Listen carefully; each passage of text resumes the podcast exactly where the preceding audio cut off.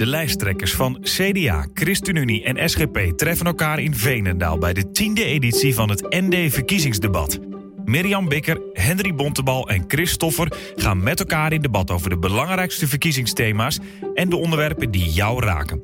Kom donderdagavond 16 november naar de Basiliek in Veenendaal voor het verkiezingsdebat van het Nederlands Dagblad. Kaarten zijn verkrijgbaar via nd.nl/debat. Dit is de politieke podcast van het Nederlands Dagblad. Iedere week politieke actualiteit, achtergronden en opinie. Ik ben Berendien Tetelepta en ik zit hier met politiek commentator Sjerk Kuiper en onze Haagse verslaggever Niels van de Bovenkamp.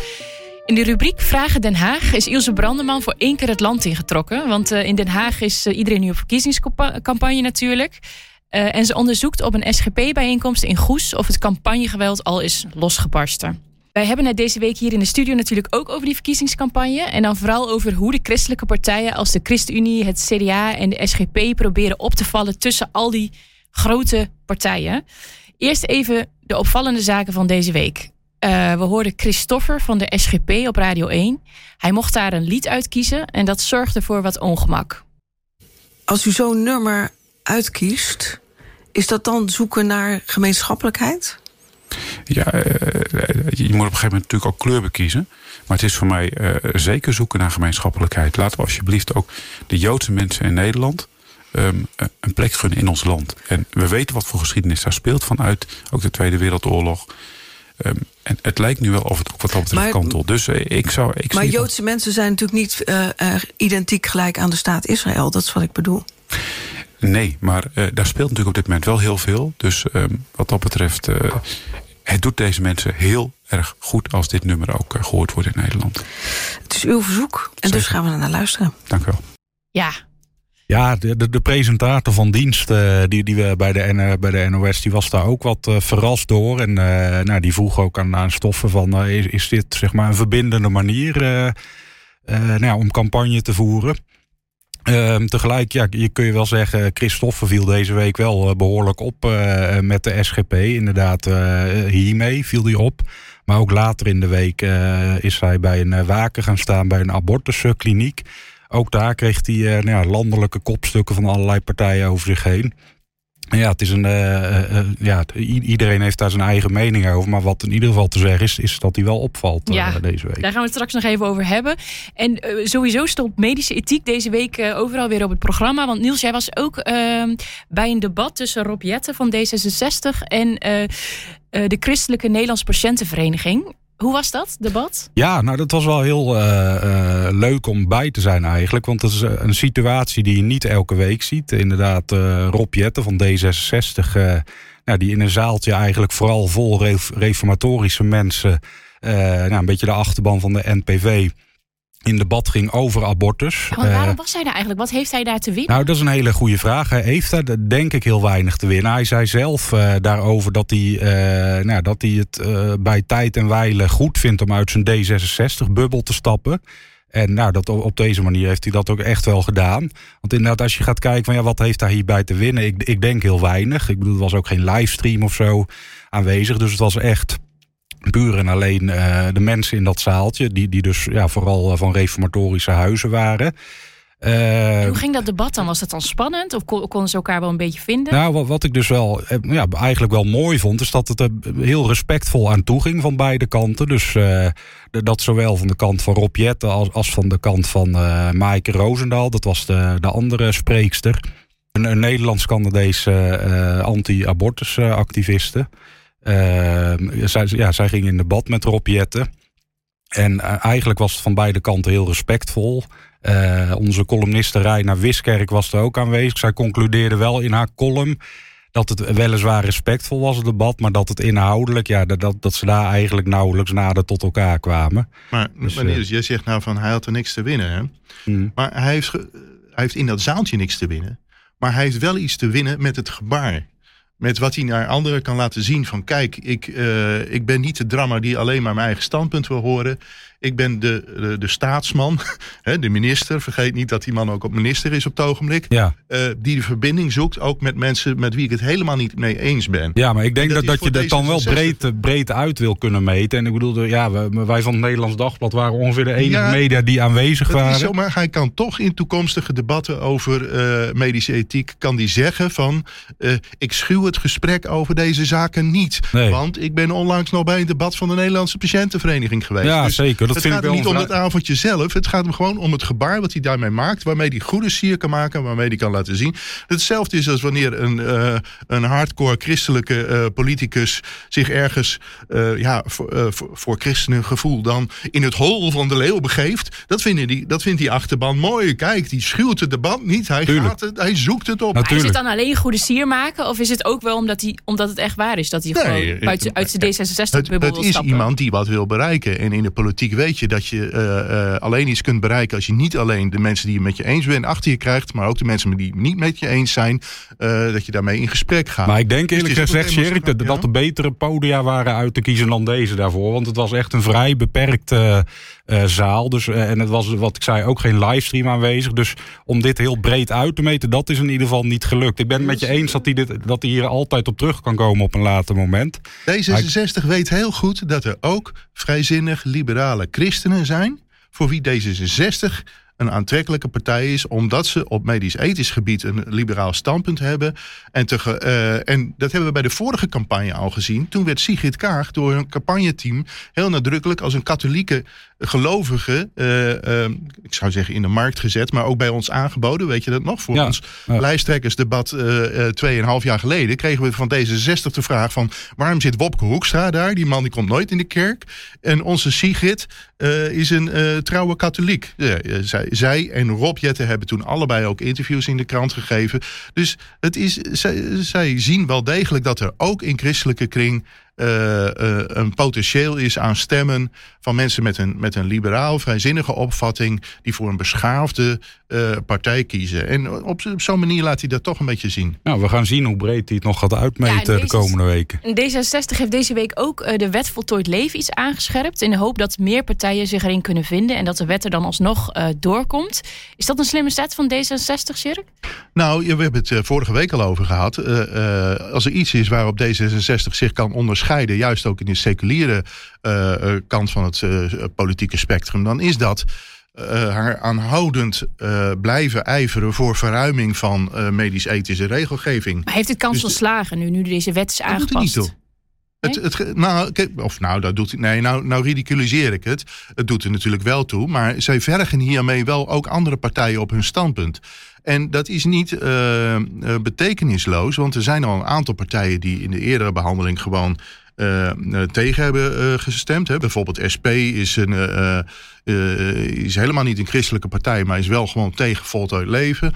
Hetzelfde geldt voor jaar 21. Ik ben overigens benieuwd wat jaar 21 gaat doen nu daar eh, weg is.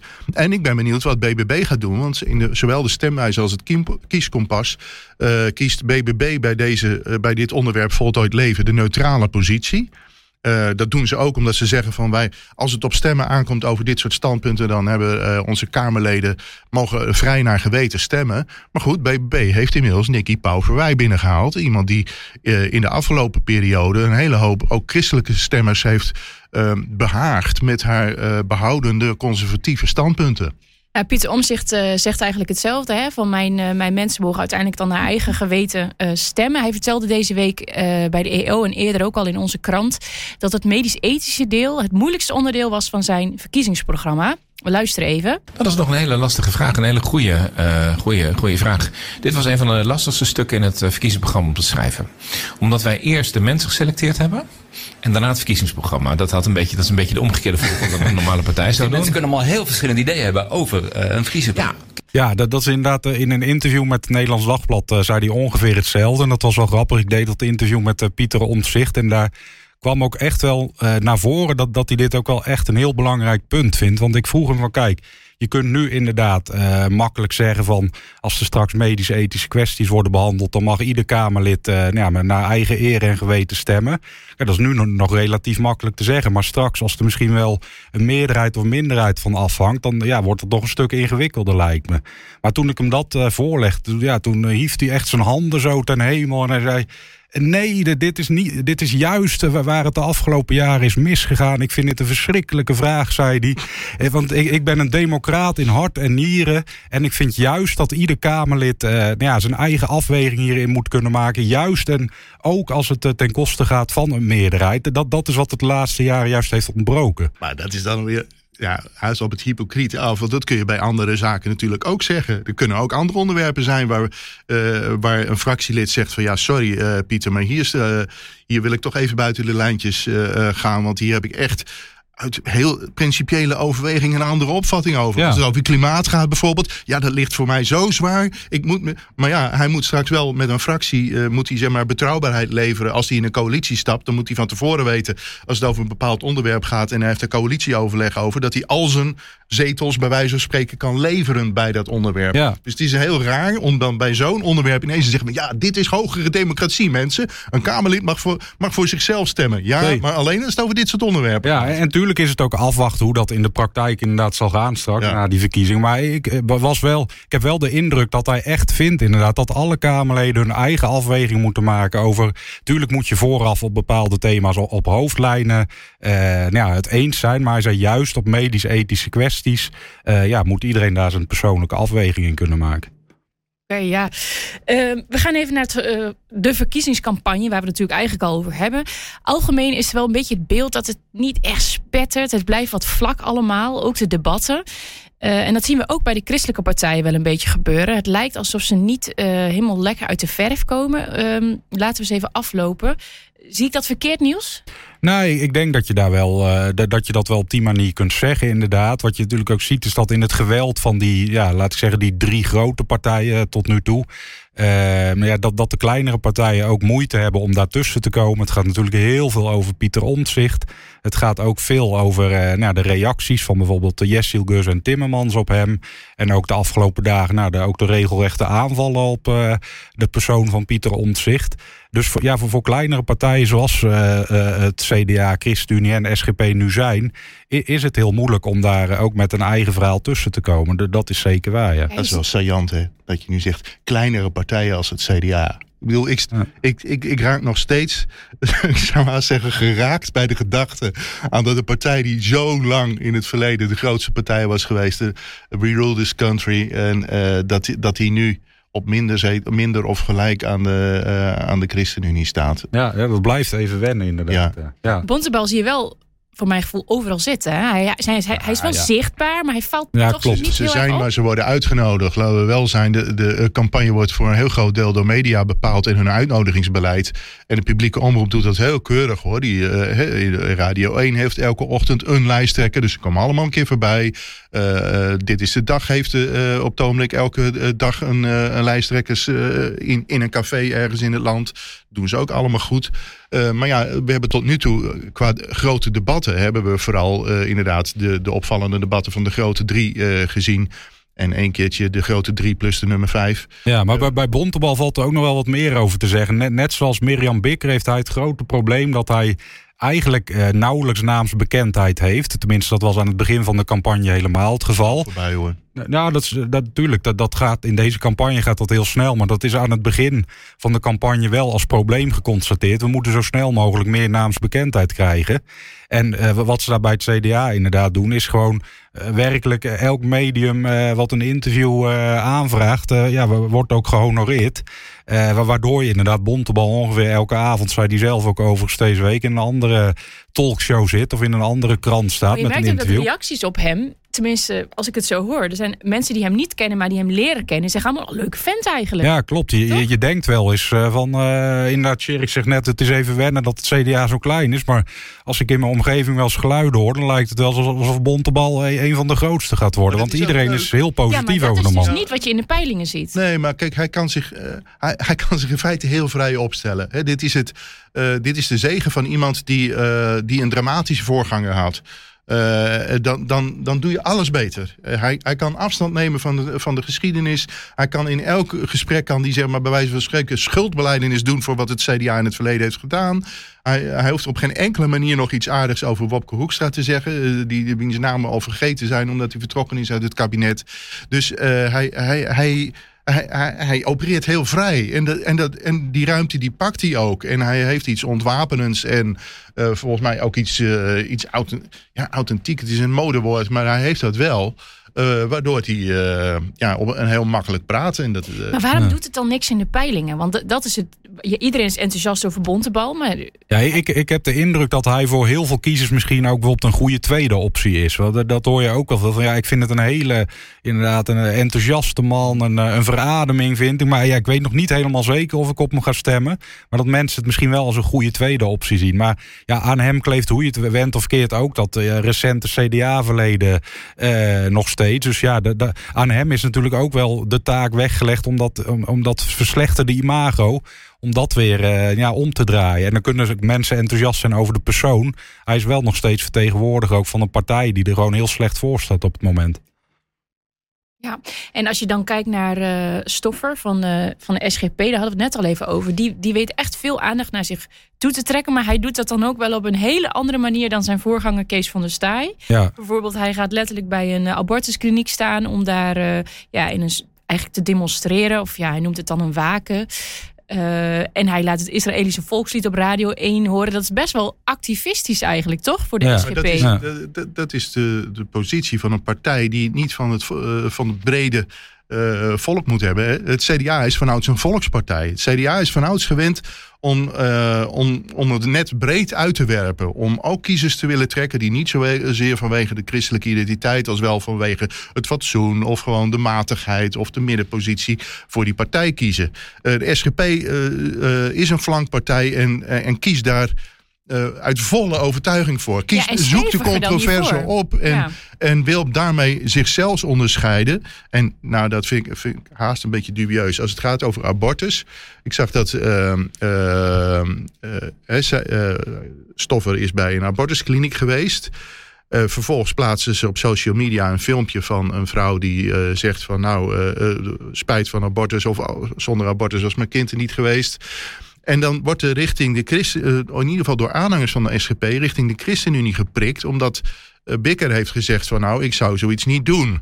En eh, ik geloof dat Perspectief, de jongerenorganisatie, ook kritiek had op die actie. Oftewel, ze laten daarmee zien van, kijk, als het over abortus gaat, hè, wat vroeger het item was waarmee conventionele partijen zich onderscheiden, zijn wij nog net wat principiëler, zijn wij radicaler, durven wij gewoon te zeggen waar het op staat, zoeken we niet de verbinding, zoeken we niet het gesprek, maar we gaan er keihard Ja. in. En Maar- bij welke doelgroep zou dit kunnen helpen? Waar trekken ze nu misschien Nou, kiezers kunnen ze op de, op de rand van de, eh, de ChristenUnie en de SGP zit altijd nog een, eh, een zone van, ik denk met name bijvoorbeeld evangelische kiezers, eh, misschien ook van oudse of reformatorische kiezers. Van Forum die, misschien nog wat? Forum voor Democratie? Nou ja, daar hebben we het laatst over gehad. Ik heb gezegd van de vierde zetel van de SGP, die, de, die tot de mogelijkheden behoort, zullen ze ook van niet-christelijke stemmers moeten krijgen.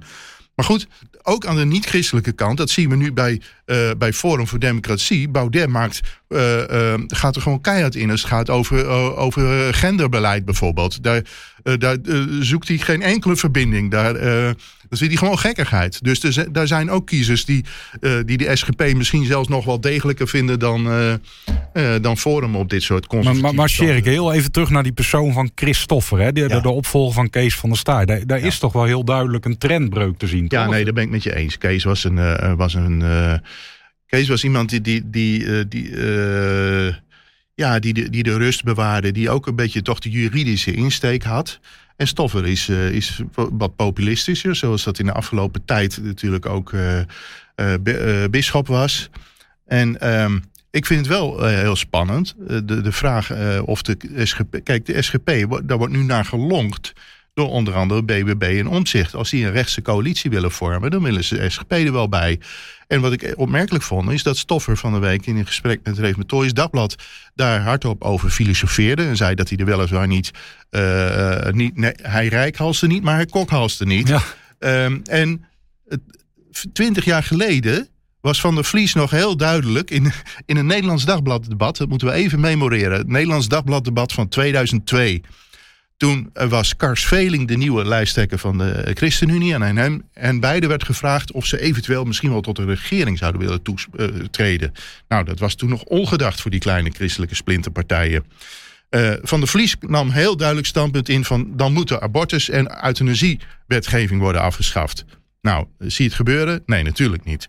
Nu zegt Stoffer van er, moeten, eh, er, moet wel iets ten goede keren. Dat is al veel minder radicaal dan eh, er moet gewoon eh, alle liberale wetgeving moet van tafel. Dus hij staat er, terwijl vroeger de SGP zei van nou we zijn hooguit goed voor gedoogsteun. Dat is in 2003 nog een optie geweest. Toen zijn Van der Vlies en Rauwvoet nog samen op bezoek geweest bij formateur Gerrit Salm. Is toen afgeketst. maar toen stonden ze daar nog eh, eigenlijk heel afhoudend in. En nu, hebben we, nu zijn we zo gewend aan een situatie waarin de- zelfs de kleinste partij... je hoeft maar vier of vijf zetels te hebben om iets wezenlijks te kunnen bijdragen aan een coalitie. Nou, ik zag gisteren zelfs eh, de SP inderdaad eh, bij Nieuwsuur zeggen dat ze nou ja, maar mogelijk ook wel regeringsverantwoordelijkheid willen gaan dragen. Dus Als Timmermans de grootste is, dan zal die naar links kijken. Ja, En dan, precies, eh, ja. eh, ja, dan, eh, dan is elke PV, eh, Partij voor de Dieren of SP-zetel dus welkom ook, om, om ook Ja. een meerderheid te bouwen. En Christ, eh, Christopher die zei ehm, in onze krant ook deze week op nd.nl... ik gooi gewoon iets meer de be- beuk erin dan, Ja. dan Ke- Kees, hè, zei hij. Ja.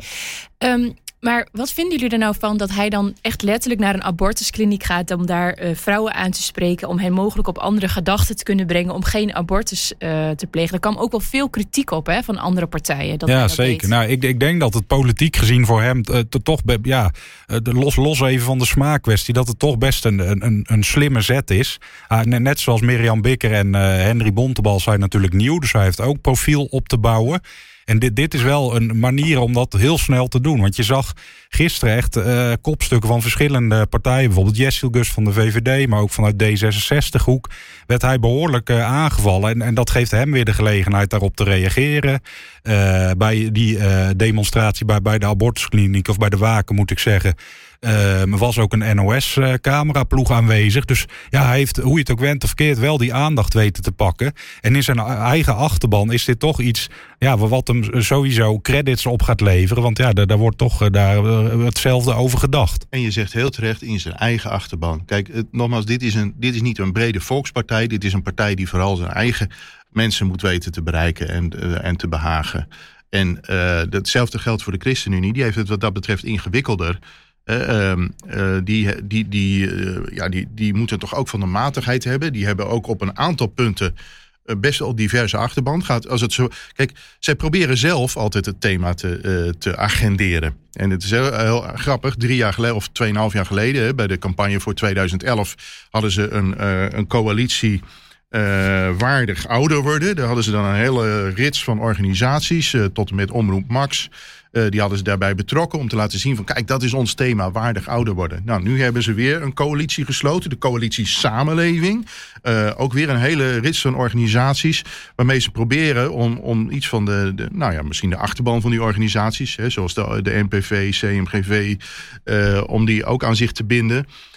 Maar dat is dus een, een verbinding zoekende. En, en het, ze proberen een thema te agenderen, de zorg. En eigenlijk is het heel ironisch dat uit onderzoeken blijkt dat voor kiezers de, de grootste zorg voor de toekomst is eigenlijk hoe gaat het met de gezondheidszorg.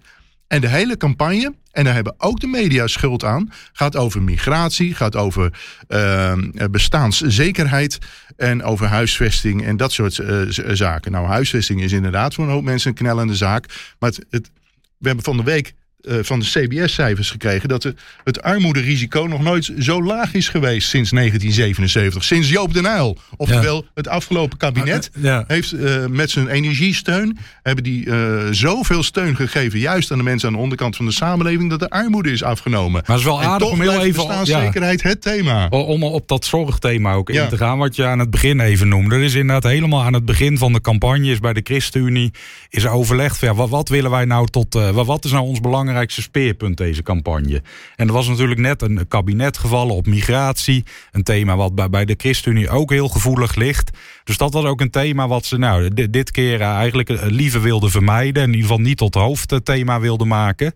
Toen hebben ze ook allerlei onderzoeken gedaan, ook onder eigen kiezers. En daaruit kwam inderdaad heel duidelijk naar voren: eh, zorg eh, eh, is voor onze kiezers het allerbelangrijkste thema. Daar gaan we dadelijk verder over hebben. We gaan eerst even luisteren naar Ilse, die in eh, Goes is, om daar te vragen of het verkiezingsgeweld al is losgebarsten. Vraag het Den Haag.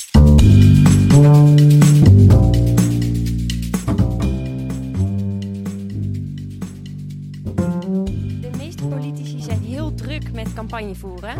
En deze dinsdagavond ben ik met de SGP op regio-tour in Zeeland, in Goes. Nou, misschien hoort u het op de achtergrond. Er wordt het Wilhelmus vol passie en staande gezongen. En ik ga hier aan de politici vragen of ze al zien dat het campagnegeweld is losgebarsten. Of dat het eigenlijk allemaal wel een beetje meevalt. Christopher, in Goes, wat vindt u? Is het campagnegeweld al losgebarsten? Nou, ik denk zeker. Want eh, eh, als ik alleen deze week al kijk, dan bij mij zit het zo'n 18, 1900 kilometer eh, aan autokilometers in deze week. Met de, met de Volvo? Met de Volvo. Dus dat is gelukkig wel goed vervoer. Maar nee, het is echt volop los. En als ik nu even kijk, het aantal uren slaap deze week is ook zeer beperkt. Dus ik, ik hoop dat anderen meer slapen dan ik. Maar ik heb er wel plezier in. Dus het gaat goed. Hoe laat moest je eruit vanochtend? Vijf uur. Dat is best vroeg. Ja, want ik denk dat ik vanavond er ook niet voor één uur weer in lig. Dus het zijn korte nachtjes. En als u naar de tv-debatten kijkt, vindt u dat het debat eh, dan ook echt al op stoom is gekomen? Want ik hoor ook van mensen die zeggen, nou, het is toch wat tammetjes. Zal ik heel eerlijk zijn? Ik heb nog geen tv-debat gekeken. Alleen eens even een stukje samenvatting of de afloop. En ziet u nog uit naar dat het debat echt fel en inhoudelijk wordt? Of zegt u dat hoeft helemaal niet voor mij? Eh van mij mag het. Maar ik zou zeggen, weet je, helemaal niet nodig. Laat iedereen gewoon SGP stemmen. En dan eh, komt het de komende vier jaar ontzettend goed. Maar als anderen het fel willen doen, ik vind het ook best. En volgende week komt natuurlijk het allerbeste debat. Het Nederlands Dagblad verkiezingsdebat. Daar bent u ook. Eh, kunt u nog een kort oproepje doen voor de mensen die nog niet van plan zijn te komen? Waarom moeten zij volgens u wel komen? Nou, ik zou zeggen mensen, dat wordt een heel mooi debat. Ook het christelijk lijsttrekkersdebat met Henry Bontebal, Mirjam Bikker en eh, mijzelf, Christoffer. Dus ja, een mooie kun je het niet hebben. Ik zou gewoon komen. Ja, en toen kwam ik ook nog Diederik van Dijk tegen. U bent nu nog senator, maar straks zit u in de Tweede Kamer voor de SGP. Wat vindt u? Is het campagnegeweld al helemaal losgebarsten? Nou, wat mij betreft eh, persoonlijk zeker wel. Ik ben elke avond op pad, eh, van ochtends vroeg tot avonds laat met eh, werkbezoeken, afsluiten met spreekbeurten. Ik word geïnterviewd, ik word geconfronteerd met lezersvragen. Nee, wat mij betreft is kiezersgeweld echt losgebarsten en ik vind het heerlijk. En er zijn ook mensen die zeggen, nou, op tv en de debatten, dat valt nog wel mee. Die zijn wel tammetjes. Eh, wat is uw visie daarop? Ja, dat hangt toch wel van af naar welk debat je kijkt, denk ik. Ik, heb een, ik zie wel dat de toon wordt iets harder, ook wat harder richting omzicht en dergelijke. Dus men komt wat los in de buurt van de verkiezingen. En wat vindt u? Hoort, hoort zo'n fel debat er echt bij? Of zegt u, nee, daar geniet ik eigenlijk helemaal niet van? Eh, ik kan van een fel debat eh, prima genieten als het op de inhoud is en als er hele scherpe eh, zinsneden kunnen worden gebruikt. Als je elkaar als mensen maar heel laat. Maak rustig gehakt van elkaars argumenten, maar geen gehakt van elkaar. En wat is tot nu toe het felste wat u hebt meegemaakt in het debat of in de campagne eigenlijk tot nu toe? Nou, voor mij was dan toch het felste. Dan denk ik terug aan het eh, Israël-debat in Amsterdam met het eh, Sidi. Ehm, en vooral in confrontatie met de Partij voor de Dieren, maar ook met de SP. Waar ik toch echt wel te veel begrip dan eh, ervaren voor Hamas, eh, CS. Ja, dan gaan mijn tenen erg kriebelen. En dan heb ik de neiging om daar stevig in te gaan. De neiging of doet u dat dan ook? Ik doe het ook, eh, inderdaad. Ik probeer dat wel op een nette manier te doen, maar ik hou ook wel van het debat. En eh, laat het ook maar een beetje schuren, dat geeft glans. Of het campagnegeweld echt losbarst, dat gaan we zien. Hier staan mensen in ieder geval gezellig nog met elkaar na te kletsen en te borrelen. Ik ga naar huis, want vanuit Goes naar mijn woonplaats reizen, dat duurt nog wel even. Ja, we zijn hier weer terug. We gaan het hebben over de ChristenUnie. Ehm, ze hebben dus in het begin geprobeerd in te zetten op zorg. Ehm, de ChristenUnie lijkt misschien wel het meest onzichtbaar. Hè? Als we kijken naar SGP, CDA en ChristenUnie. Dan kijken we in de verkiezingscampagne. Dan lijkt ChristenUnie wel... eh, Nee, dat, dat klopt. En ik, ik noemde net natuurlijk dat, dat ze zorg als thema hebben gekozen. En eh, het risico daarvan natuurlijk. Het is een heel inhoudelijk thema en er valt heel veel over te zeggen. En ja, ik bedoel, het is ook echt een, een groot issue in de samenleving. Ik bedoel, we stevenen af op een eh, zorginfarct eh, de komende jaren. Met vergrijzing en personeelstekorten. Dus het is, een, het is een enorm belangrijk thema. Alleen het is geen thema waar je even, eh, zeg maar, snel een goed punt op kunt maken. Het is echt, wat ik zeg, heel inhoudelijk. Ehm, en, daarom is het ook moeilijker om je op zo'n thema te onderscheiden. Kijk, op migratie, eh, ik bedoel, Omtzigt die, die roept dan ik, eh, een richtgetal van 50.000. Kijk, dat is iets wat eh, media gelijk oppikken. Maar zo'n eh, zorgcoalitie die dan inderdaad gesloten wordt door de ChristenUnie. Ja, dat is niet eh, per se waarvan media gelijk denken van nou, daar moeten wij ook bij aanwezig zijn. Omdat het weinig concreet is soms en, en- niet per se eh, gelijk allerlei belletjes doet rinkelen van nou, dit, dit is belangrijk om te melden. En misschien is het ook goed om daar al- als media zelf op te reflecteren. Hoe wij, Ja, precies. Want hoe hebben jullie als politieke journalisten gekeken naar de, nou ja, het aanbod dat jullie ook van de ChristenUnie hebben gekregen de afgelopen periode? Van willen jullie hier komen kijken of willen jullie hierover schrijven? Hoe zijn wij daar zelf mee omgegaan? Nou, natuurlijk, ja, dat, dat, ja, dat, dat krijg je van alle partijen. Krijg je zeker in verkiezingstijd allerlei proefballonnetjes, bijeenkomsten, nou, coalities die gesloten worden. En da- ja, daarin is er altijd eh, een afweging tussen heel veel verschillende dingen. Is de tijd voor? Vinden we het inderdaad eh, eh, nuttig genoeg om hierover te schrijven? Maar ook gewoon praktische afwegingen. Wij hebben bij het Nederlands Dagblad te maken met een relatief kleine redactie van drie politiek verslaggevers in Den Haag. Dus ook, ook daarin moeten wij keuzes maken. Maar En, eh, eh, Niels, nou is Ilse die is dus in, eh, in Goes bij de SGP geweest. Maar eh, de ChristenUnie was van de week in Ten Boer. En eh, Groningen is toch nog altijd het probleemgebied waar, de, waar een hele hoop rekeningen te vereffenen zijn. Ehm, daar zijn we niet geweest. Nee, klopt. Daar, daar waren wij inderdaad niet bij. Maar dat is ook een, een, een journalistieke keuze geweest van, nou ja, eh, eh, mo- moeten wij daarbij zijn inderdaad? En eh, nou, wat ik net al zei, we hebben ook te maken met uh, personele krapte. We doen deze weken doen we ook uh, allerlei interviews met Niet lijsttrekkers. alleen over onszelf te hebben, anderen waren er ook niet bij. Nee, zeker. Maar Het- het- Ik vind het apart, eh, Groningen is wel een beetje uit beeld geraakt. In het, eh, ik, ik zag juist vandaag een, een onderzoek waaruit blijkt dat de meest noordelijke eh, eh, lijsttrekker is, geloof ik, Thierry Baudet. eh, eh, dus uit het noorden komen gewoon helemaal geen lijsttrekkers op het ogenblik. En de, en de ChristenUnie heeft eh, ja, juist zichzelf, als het om Groningen gaat, op achterstand gezet door eh, het enige Groningse Kamerlid, Stineke van der Graaf, eh, laag op de lijst te zetten. Maar goed, Stineke die voert een campagne, eh, die gaat ook zelf door het land heen. Maar weet je, uiteindelijk als het gaat om zichtbaarheid zijn het toch vooral de televisiedebatten en, eh, en gesprekken.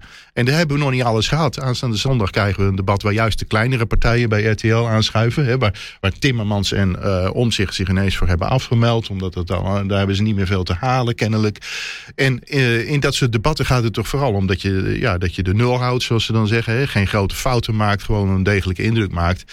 En uh, als het nou gaat om geen fouten maken, volgens mij heeft Bikker nog niks gedaan waarmee ze, uh, de, zeg maar onder de, de, nul is gegaan. Nee, dat, dat is ook zo. Dat is misschien tegelijk haar kracht en haar zwakte. Want inderdaad, ze, ze, ze, Bikker zelf is ook erg inhoudelijk. En vaak, ja. als het inderdaad over inhoudelijke thema's gaat, dan ja, staat zij vol in haar kracht. Dan is ze sterk. Ze heeft bijvoorbeeld bij, bij zowel Nieuwsuur als bij NOS op 3 kwam ze echt goed uit de verf.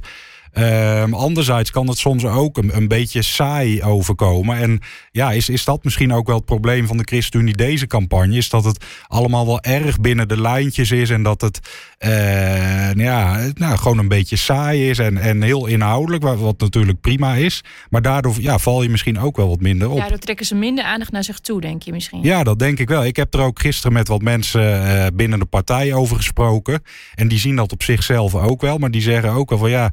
Kijk, we hebben er ook gewoon voor gekozen om uh, inderdaad een inhoudelijke campagne uh, de, om, om daarvoor te kiezen. En uh, ja, het, het, risico is inderdaad dat, dat het daardoor allemaal wat vlakjes blijft. ze zeggen ook van ja, ook Mirjam Bikker is natuurlijk nog, nog niet zo lang hier begonnen. Dus die moet je ook de tijd gunnen. Die heeft ook tijd nodig om nou, zichzelf wat meer te profileren. Dus dat, dat gaat natuurlijk ook niet van de ene op de andere dag. Denk je dat ze al een beetje in paniek zijn? Dat ze denken, we hebben niet genoeg, het lukt niet. We komen niet genoeg nou, ik, aandacht? Ik, ik heb daar niet, niet heel veel aanleiding gezien om, om dat te denken. Ik sprak wel ook vorige week met eh, iemand die goed eh, binnen de partij zit. En die zei wel, eh, nou ja, als je de peilingen ziet, dan is het natuurlijk... in sommige peilingen krijgt de, de ChristenUnie drie zetels toebedeeld. In andere af en toe vier. Die, die vijf zetels die lijken echt wel uit beeld op het moment. En hij zei ook van nou, wij, wij zien het echt wel als een hele grote prestatie. Als we de, die vier zetels binnen weten te halen. En drie zou dan echt, ja, dat zou gewoon erg jammer zijn. En vijf zou een absolute bonus zijn op het moment. Dat betekent dus dat, dat niet alleen het niet gelukt is om het thema zorg op de agenda te zetten, maar ook dat de als zorgdeskundige gepositioneerde Joelle Gooyer, die op nummer 5 staat, dan ook niet de Kamer in Klopt, ja. ja. Sjerik, jij bent ooit voorlichter geweest van de ChristenUnie in een heel ver Ja. verleden. Eh, Hoe denk jij op dit moment dat zij daar nu spreken, zeg maar, over de campagne? Weet je, ik, ik, ik eh, heb in 2010 was ik nog net voorlichter bij de campagne. Toen, toen was het kabinet Balken en de Vier was gevallen. Eh, en dat was een dramatische campagne, daar kunnen we eerlijk over zijn volgens mij. Eh, dat was de laatste campagne die André Rauwvoet deed, waarvan achteraf geconcludeerd wordt, misschien had hij toen al eh, niet meer moeten doen. Hè, dat hij eigenlijk, hij was vicepremier geweest, dus hij was het gezicht van de ChristenUnie coalitiepartij die eh, niet goed uit de verf was gekomen, die steeds in de verdrukking zat tussen CDA en eh, PvdA. Eh, en vervolgens eh, raakte hij er in de campagne over vermoeid. Hij raakte zijn stem kwijt. Want je moet niet vergeten, dat, eh, we hebben het net over Henry Bontebal, dat hij van hond naar haar vliegt. Het is echt, je zit, eh, je zit, je zit soms drie keer per dag ergens op de top van je spanning een, een radiogesprek of een, speech of iets anders op een podium te doen. Dus het is slopend, zo'n campagne.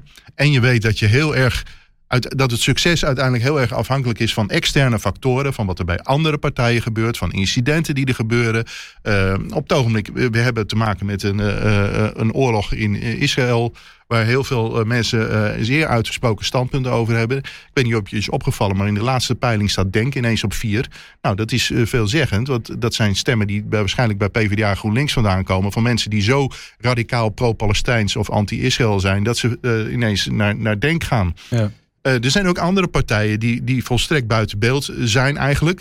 Wat zien we van Partij voor de Dieren? We hebben eigenlijk alleen de kwestie rond Esther Ouwehand intern gezien. Je zou denken dat is geen reclame. Toch staan ze nog stabiel op een... eh, Ja, maar vol- volgens mij heeft dit ook alles te maken met het feit en dat, dat, dat, dat die verkiezingen tot de, de, de campagne tot nu toe inderdaad en best wel tam is, maar, maar tegelijkertijd ook vooral draait om de persoon van Pieter Omtzigt, waar- waardoor het gewoon heel erg lastig is voor kleinere partijen om, ja, om überhaupt eh, het nieuws te halen en om daartussen te komen. Pieter Omtzigt die weet veel aandacht naar zich toe te trekken, ook deze week weer. Hè? En maar ook dus wel veel Hij kritiek vanaf niet, deze week. Hè? Hij krijgt het gewoon. Ja, is dat zo? Ja, natuurlijk. Het wordt hem toegeschoven, die aandacht. En hoe kan hij hoeft dat? het helemaal niet te trekken. Hij doet helemaal geen gekke dingen. Sterker nog, hij, eh, hij, hij blijft zo saai en zo technisch en zo eh, eh, afstandelijk als hij nou eenmaal van nature is. Hij Ja, maar dat is wel zijn manier om, denk ik, die aandacht vast te houden. met zijn persoonlijkheid. nee, maar wat hij heel slim doet, is dat hij inderdaad continu dingen in het midden laat. En de eerst over of hij een partij wel of niet gaat beginnen. Daarna een- over zijn premierschap. In een En- en- andere en tijd nu- zouden we dat verschrikkelijk vinden. Ja, zeker, Van, maar van daarom- geen andere politicus zou je het pikken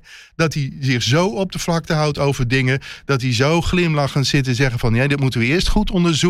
Hè, ik had van de week we had een wel gesprek. dan? Wat zeg je? Waarom pikken we dat nu wel dan? Nou, p- pikken we het nu wel. We hebben, volgens mij zien we wel de afgelopen dagen ook dat die aanval meer en meer eh, wordt ingezet. Ik Ja, de Jesse aanval die, van andere politici. En de vraag is nog maar of de kiezers dus eh, de, eh, eh, daarin meegaan. Of dat die juist zeggen van... oh, nou gaan ze allemaal lelijk doen tegen onze Pieter. Dus eh, we hebben nog anderhalve week de tijd. Hè? In anderhalve week tijd eh, eh, zouden, ze moeten, zouden ze hem bij wijze van spreken onderuit moeten halen. Ik betwijfel ernstig of ze dat gaat lukken. Nou, gi- gisteren bij op 1 heeft om zich natuurlijk wel gezegd eh, de- dat- dat zijn grote voorkeur ligt bij gewoon het fractievoorzitterschap na de verkiezingen. Maar goed, daar, daarmee blijft hij nog steeds best wel vaag natuurlijk. Daarmee sluit hij nog steeds niet uit dat hij het eventueel wel eh, zal ja, gaan wie doen. zou het dan wel moeten doen? Dat vertelt Ja, hij ook niet. Nee, dat heeft hij ook niet verteld. Hij heeft wel gezegd dat er tot nu toe geen andere kandidaat is in eh, ieder geval. Hij heeft ook gezegd dat hij het ook niet per se ziet zitten om eh, eh, zeg maar een, een premierskandidaat van een andere partij eh, ja, als, als premier eh, eh, te laten zijn als hij wel de grootste zou worden. Eh, du- dus het blijft heel erg vaag hoe die het nou wel precies voor zich zit. En ik denk toch meer en meer ja, dat daar hele grote strategische afwegingen achter Ja, maar er zit ook een heel sterk principe achter. En dat vind ik het, het, het grappige. Kijk, principieel ben ik het namelijk heel erg met deze man eens als het erom gaat dat hij is kandidaat voor de Kamer. En zelfs wanneer zijn partij de grootste wordt, dan moet hij fractieleider worden in de Tweede Kamer. Dan moet hij helemaal niet eh, tot premier geroepen worden. We, we kiezen geen premier. Dus het is een heel goed standpunt. En ook en, eh, en wat hij zegt over van eh, een premier van een andere partij zelfs wanneer hij zelf de grootste partij is, dat is historisch heel goed mogelijk. De, de, premier hoeft niet uit de grootste partij te komen. En de premier kan ook iemand zijn die niet ergens op een lijst heeft gestaan, die gewoon een, eh, eh, een ervaren bewindspersoon van vroeger, of zelfs iemand die nog nooit in de politiek heeft Nee, gezeten. klopt. Maar de keren dat het op die manier is gegaan, waren volgens mij niet bijster succesvol. Dus ik, ik vraag me ook af of dat, eh, zeker in het politieke landschap waar we op dit moment in zitten, of, of Vadertje. Drees was niet de lijsttrekker van de grootste partij. En is een van de meest succesvolle premiers van na de Tweede Wereldoorlog. Dus ja, inderdaad, Van Acht was een minder goed voorbeeld. Lubbers was geen lijsttrekker toen hij vervolgens premier werd. Ja, daarna wel voor de tweede en zijn derde termijn. Maar hij begon gewoon als de minister van Economische Zaken... die ineens naar voren werd geschoven omdat Van Acht niet meer wilde. Dus dat kan heel goed. Alleen eh, bij, bij omzicht weten we helemaal niet welke eh, bewindslieden van vroeger zich inmiddels tot zijn achterban rekenen. Hè? Zoals een Eddy van Heijem. Daarvan is duidelijk van nou, een oud CDA-kamerlid die nu in de stal van omzicht zit. Maar we weten niet of er nog. eh, en uh, Mona Keizer weten we dat ze inmiddels bij BBB zit. Maar er is een heel. Uh, contingent van vroegere CDA-bewindslieden... die misschien wel de, uh, inmiddels al lang zich tot omzicht bekeerd hebben... en straks ineens uit de hoge hoed kunnen komen. Even een opvallend Pieter Omtzigt moment van deze week. Uh, alle partijen lieten hun verkiezingsprogramma's doorrekenen. Pieter Omtzigt deed dat niet. Waarom niet, Niels? Nee, uh, ja, de nummer 6, uh, Eddy van Heijem, die Sjerik net al even noemde. Dat is de, de auteur van het verkiezingsprogramma van Nieuw Sociaal Contract. Uh, die sprak daar uh, deze week ook over. En die vertelde eigenlijk dat dat twee redenen heeft. Eén, de, de reden die Omtzigt ook al veel genoemd heeft, dat het gewoon tijdnood was. De partij is eind augustus opgericht en volgens mij 1 september moest, moet de partij al hun eerste nou ja, stukken dan doorsturen naar het CPB. Dus dat was simpelweg niet mogelijk. Maar een ander argument wat Van Heijem noemde, dat is ook wel interessant. Hij zei, ja, wij, vinden die modellen van het CPB ook niet uh, nou, altijd even betrouwbaar. Want die voorspellen een bepaald, uh, bepaalde uitkomsten. die lang niet altijd ook zeg maar, op die manier eruit komen. Dus met andere woorden, ze zeggen gewoon, ja, die modellen van het CPB. die, die, die zijn niet altijd even vertrouwenwekkend. Maar Sterker nog, wat hij ook zei, ook nog een ander interessant punt. Hij zei, partijen die het wel door laten rekenen. die spelen ook in op, op de modellen die ze kennen van het CPB. Dus die stoppen dan expres uh, dingen, input in die modellen. Waardoor ze weten dat ze de gunstige uitkomen. En dan, als eenmaal die berekening geweest is, dan kunnen ze dat ook weer terugdraaien. Dus ja, het, hoe je het ook went of verkeerd, er is wel meer en meer kritiek op. Het was ook deze keer uh, zo dat volgens mij historisch weinig partijen uh, die doorrekening hebben laten ja, want doen. je laat het eigenlijk doorrekenen om aan de kiezers te laten zien... zo wil ik al mijn plannen gaan betalen. En als je het niet laat ja. doorrekenen, kun je dat eigenlijk niet bewijzen. Het is een heel bedweterig gelegenheidsargument. Uh, kijk, het, het, voordeel van de CPB-berekening is dat de CPB, kijk, die, die kijkt niet alleen naar het programma, maar die gaat inderdaad ook vragen stellen. En dan komen er soms dingen uh, achterweg die een partij niet nadrukkelijk in zijn programma heeft gezet, maar wel op vragen van het CPB met de billen bloot gaat. Bijvoorbeeld dat de VVD gewoon ontwikkelingshulp volledig wil afschaffen. Uh, dat is iets wat ze op vragen van, de, uh, van het CPB hebben gezegd. Wat niet zo hard in hun programma staat. Dus het is wel degelijk. je gaat met je nieren voor de dokter. En dan kun je vervolgens wel kritiek hebben op de dokter. En dan kun je zeggen van ja, maar er is, dus, we hebben niet alleen nieren. We hebben ook nog andere problemen en dergelijke. Maar het blijft een, een zwakte. En dan blijf ik toch maar weer zeggen, Omzicht de Oude had dit nooit gepikt. Die, was, die had hier, uh, en met Omzicht de Oude bedoel ik dan het vroegere Kamerlid wat zo kritisch was op uh, en iedereen eindeloos doorvroeg en alle stukken wilde zien. En ja, het, het was ook de ideale munitie voor de zich, andere grote partijen. Hè, die, uh... Omzicht de partijleider, die houdt zich op de vlakte van alles en die komt overal mee weg. Ja, want uh, Jesselgus en Klaver, die reageerden ook furieus. Hè, ja, dat, klopt. Wat ik zeg, die, die hadden nu echt wel munitie om hem aan te vallen. En die kans lieten ze ook zeker niet voor voorbij gaan. Want inderdaad, wat Sjerik zegt, ja, Omtzigt is altijd iemand van, van de modellen en van de berekeningen en, en dat dingen moeten kloppen. En ja, vervolgens als je dan je eigen partijprogramma niet laat doorrekenen, dan is dat ergens toch wel een zwaktebod. Plus, hij ging ook nog andere partijen de maat nemen op, op, de, die, op de doorrekeningen van die andere partijen. Klopt, dus dat ja. was extra zuur natuurlijk. Ja. Als je het zelf niet laat doorrekenen, maar je geeft wel kritiek op de doorgerekende plannen van anderen. Ja, en hij zegt van die andere partijen van ja, wat zij in hun programma schrijven, dat is eigenlijk alleen maar eh, een, een openingsbod voor eh, coalitieonderhandelingen. Nou ja, hij is zelf een en al openingsbod voor coalitieonderhandelingen. Hij legt alles open. Hij eh, eh, houdt alles open naar alle kanten. Eh, alle partijen, hij, hij spreekt geen voorkeur uit. Hij laat in het midden wat inderdaad zijn eigen positie wordt. Waarvan ik dan nogmaals principieel zeg, heeft hij groot gelijk in. En ik, en weet ook zeker, deze man die wil in de Kamer blijven. Die wil helemaal geen minister-president worden. Dat kan helemaal... Ja, we moeten even gaan afsluiten. We kijken nog wel heel even vooruit naar volgende week. Dan is het grote verkiezingsdebat van het Nederlands Dagblad. Volgende week donderdag. Er zijn ook nog kaarten verkrijgbaar. Het is in ehm Veenendaal, hè?